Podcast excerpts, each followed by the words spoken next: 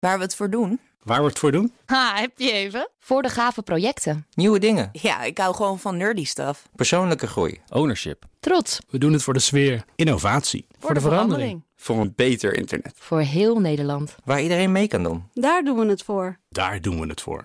Waar doe jij het voor? Kom werken voor KPN en groei op jouw manier. Check de actuele vacatures op het gebied van data, security, development en networking op jobs.kpn.com/tech. Wetenschap vandaag. Het koeienpoep uit de 3D-printer huizen bouwen. Drie studenten denken dat dat kan. En daar gaan we het over hebben met wetenschapsredacteur Carlijn Meinders.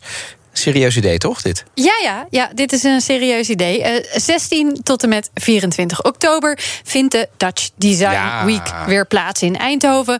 Volgende week maandag dan ook Wetenschap Vandaag vanuit daar. Kijk. Eh, maar ik vond het leuk om er nu al even een, eh, luchtig project uit te pikken. Of misschien moet ik zeggen, een project met een luchtje.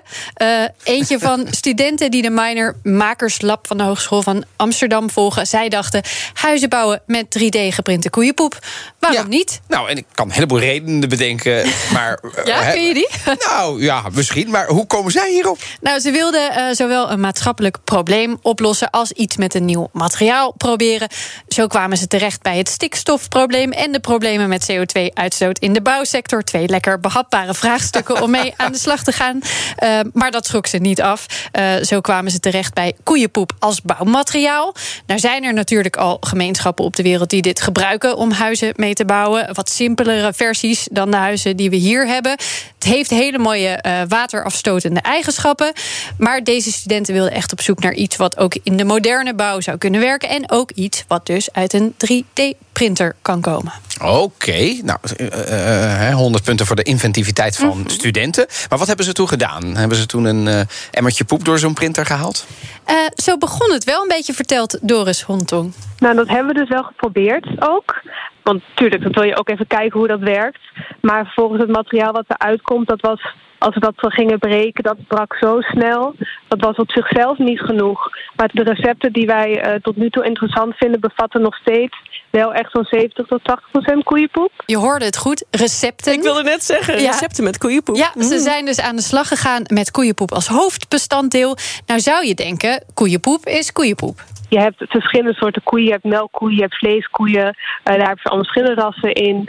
Ehm, als we bijvoorbeeld een winter binnen staan en daar krachtvoer krijgen... of in de zomer gras eten, dan krijg je ook weer andere poep. Maar je wil wel een consistent bouwmateriaal. Dus een recept daarop aanpassen. Of weten wanneer je met welk recept moet gebruiken... of welke koe.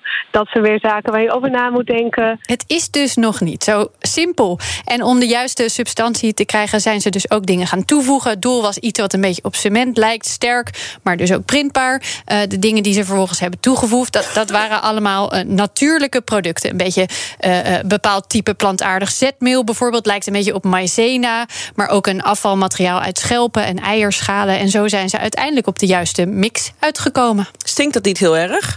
Dat heb ik natuurlijk ook even gevraagd. Als het zo nog nat is, dan nog wel een beetje ja. Eh, wel al aanzienlijk minder dan ehm, als je het gewoon alleen de poep zelf hebt. Dus die poeders toevoegen, dat neutraliseert de geur al wel iets. En vervolgens, als je gewoon aan de lucht laat drogen, dan valt de geur echt best wel mee. Ja, het is dus nog niet helemaal geurloos. Eh, maar je moet ook bedenken, eh, dit is een vers idee. Eh, dit zijn geen scheikundigen. En een materiaal doorontwikkelen, ja, daar heb je echt wel even de tijd voor nodig. Zij hadden een paar maanden om dit te bedenken. Dus ja, het kan allemaal nog beter. En er moet nog van alles getest worden. Ook hè, wat voor stoffen komen er vrij tijdens het maakproces. Hoeveel stikstof houdt dat eindmateriaal dan vast?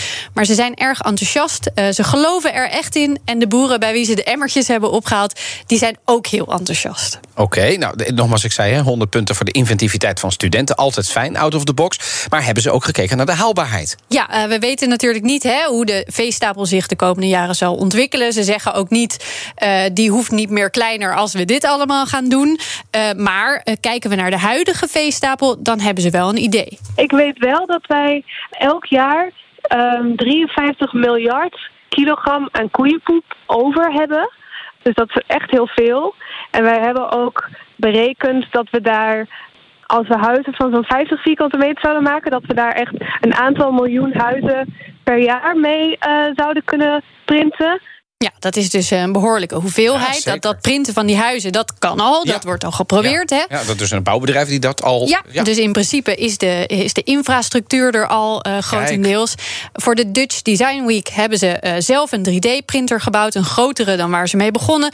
Ga je daar dus heen, dan kun je bij ze langs. Om de verschillende stappen in het onderzoek te zien. En om te kijken hoe die koeienpoep dan door de printer gaat. Ik zou zeggen, eh, volg je neus en je vindt ze vanzelf. Maar dat was dus niet Nee, zo heel erg mee, meer, toch? Ja. Ik ga in ieder geval eh, maandag zeker even langs. Want ik ben heel benieuwd hoe dat eindmateriaal er dan uitziet. Nou, en dan horen we jou dus weer maandag sowieso. Ja, nee, het is niet dat je er nu mee ophoudt, maar maandag Nee, ben je. morgen ben ik er ook, maar maandag ben ik in Maar maandag ben je op locatie. Zeker. Dank je. Ook Harm Edens vind je in de BNR-app. Je kunt BNR Duurzaam niet alleen live luisteren in de app, maar ook terugluisteren als podcast, zoals al onze podcasts. En naast dat de BNR-app Breaking News meldt, houden we je ook op de hoogte van het laatste zakelijke nieuws. Download nu de gratis BNR-app en blijf scherp.